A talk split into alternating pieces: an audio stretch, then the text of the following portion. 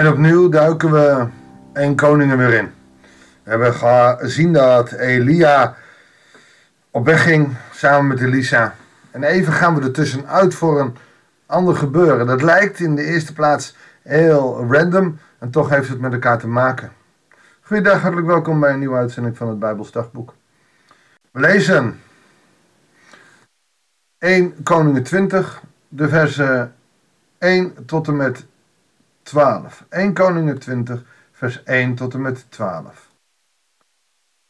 Koning Benhadad van Aram riep al zijn troepen onder de wapenen. Met 32 andere koningen, uitgerust met paarden en wagens, rukte hij op tegen Samaria en omsingelde het. Benhadad stuurde afgezanten naar de stad, naar koning Agab van Israël.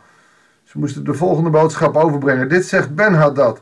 Uw goud en zilver komen mij toe, en uw mooiste vrouwen en flinkste zonen ook.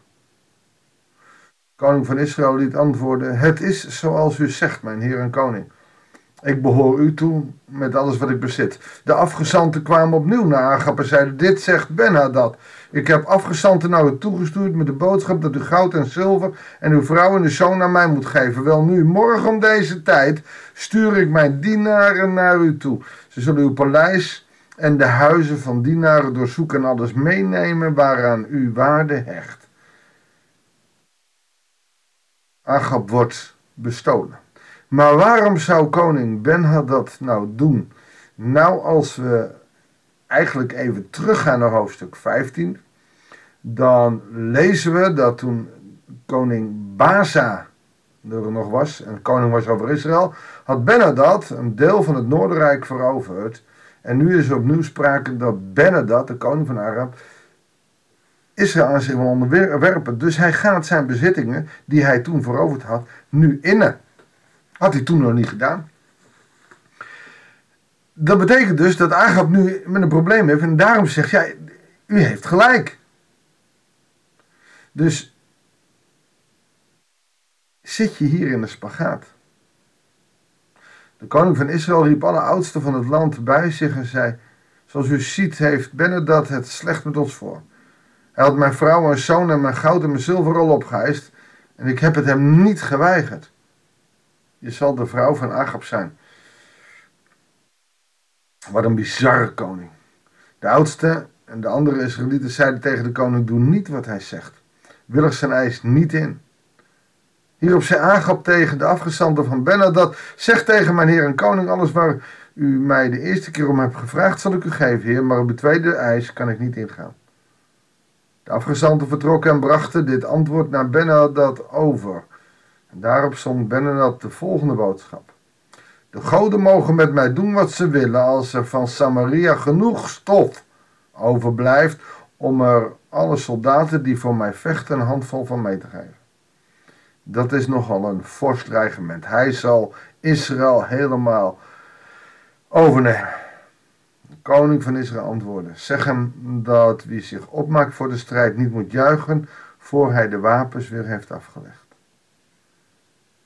Agab wordt hier vol bravoer. Maar, wat zie je niet? Er mist iets. Ik lees nog even het laatste vers. Benedad zat met de andere koning onder het dak van bladeren te drinken toen hij dit antwoord ontving. En onmiddellijk beval hij zijn aanvoerders hun stellingen tegenover de stad te betrekken. Dus vanaf een afstand gaan ze nu dichter. Ze trekken het koord dicht om Samaria heen. Je weet, Samaria is niet Jeruzalem. Samaria is waar de koningen intrek hadden genomen. Wat een ongelofelijke bravoer hier. Maar de grootste speler in het geheel mist. En Agab doet daar niets mee. Agab gaat niet naar God toe. Hij vertrouwt op zijn wijze en zijn raadsmannen. Hij vertrouwt op zijn eigen kist trouwens niet. Hij was een lafaard. Hij heeft zijn vrouwen goud en zilver gegeven. Wop, zomaar. Nogmaals, je zal zijn vrouw maar wezen. Want je stelde als vrouw niets voor, zeker niet bij een koning die heel veel vrouwen had. En al die vrouwen die dachten dat ze de vrouw van de koning waren, zitten nu bij de vijand, bij Ben-Hadad. Die heeft goud en zilver, maar hij wilde meer. En nou, dat krijgt hij niet. Uiteindelijk wordt Agap in samenwerking met zijn wijze mensen een beetje zenuwachtig. Ja, dan ontneemt u ons alles en dat willen we niet. We willen het niet kwijtraken, dat vinden we niet leuk. Je krijgt een beetje de jankerige. Oh, ze pesten me. En juist dat wat de koning van Israël zou moeten doen, doet hij niet. En ik merk dat ook wel in, in deze tijd. Waarin gelovigen naar de kerk gaan, braaf netjes altijd alles doen. En wanneer er problemen zijn in hun leven, dan gaan ze een beetje dat jankerige. Ah, ik kan niks meer, ik kan niks meer, ik zal niks meer. Die is boos op me. Men gaat in een slachtofferrol.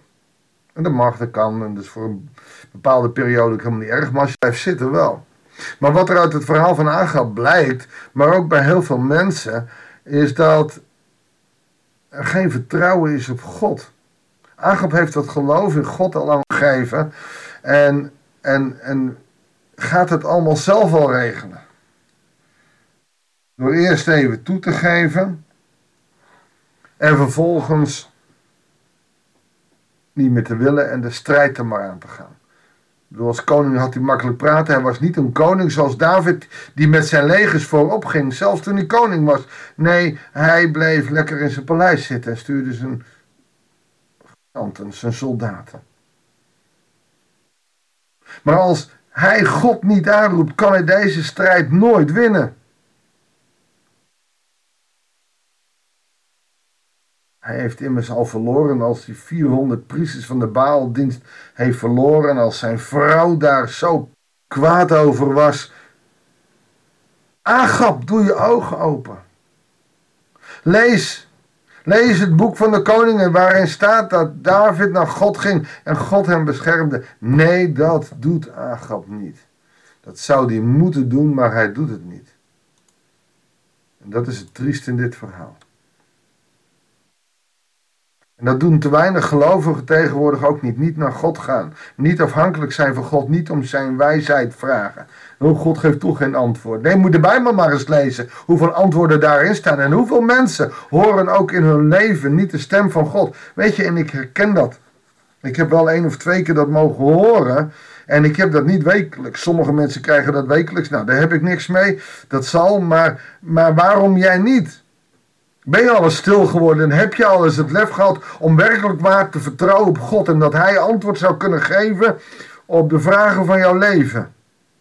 En doe het nou niet op de heide en stil en dan, oh ik hoor niks, dus dan niks. Je moet geduld hebben en ondertussen ook gewoon de Bijbel lezen. Want God gebruikt ook in deze tijd de Bijbel nog steeds om ons antwoorden te geven, om richting aan te geven, om ons te focussen op Hem.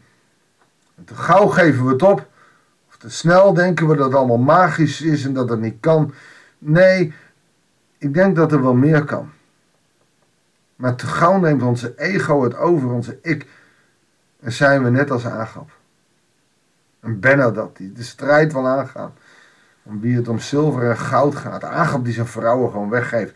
Al, waren het gewoon cadeautjes met Sinterklaas. Het is zo bizar dit verhaal. Maar puur en louter en alleen omdat je ziet dat God niet betrokken wordt bij het hele verhaal.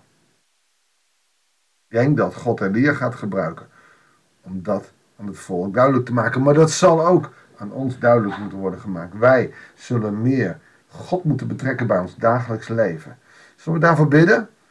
Heere God, het is helemaal niet heel makkelijk voor ons allemaal. Om, om maar u bij ons leven te betrekken. Voor sommigen lijkt u heel ver weg en, die stem die we nooit verstaan en we kunnen u niet zien, Heere God. En mensen gaan twijfelen. Heel veel gelovigen in Nederland twijfelen al, Heere God. Want ze zien nooit wat van u.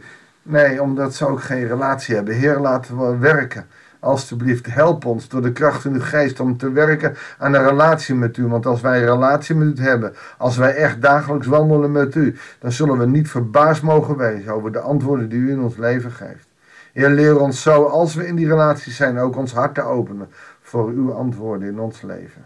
Ga met ons mee en leer ons vol overgave te leven aan wie u voor ons bent. Heer, dank u wel voor dat wonder, dank u wel voor wie u voor ons bent bidden wij en danken wij u. In Jezus' naam. Amen. Dankjewel voor het luisteren. Ik wens je God zegen En heel graag tot de volgende uitzending van het Bijbels Dagboek.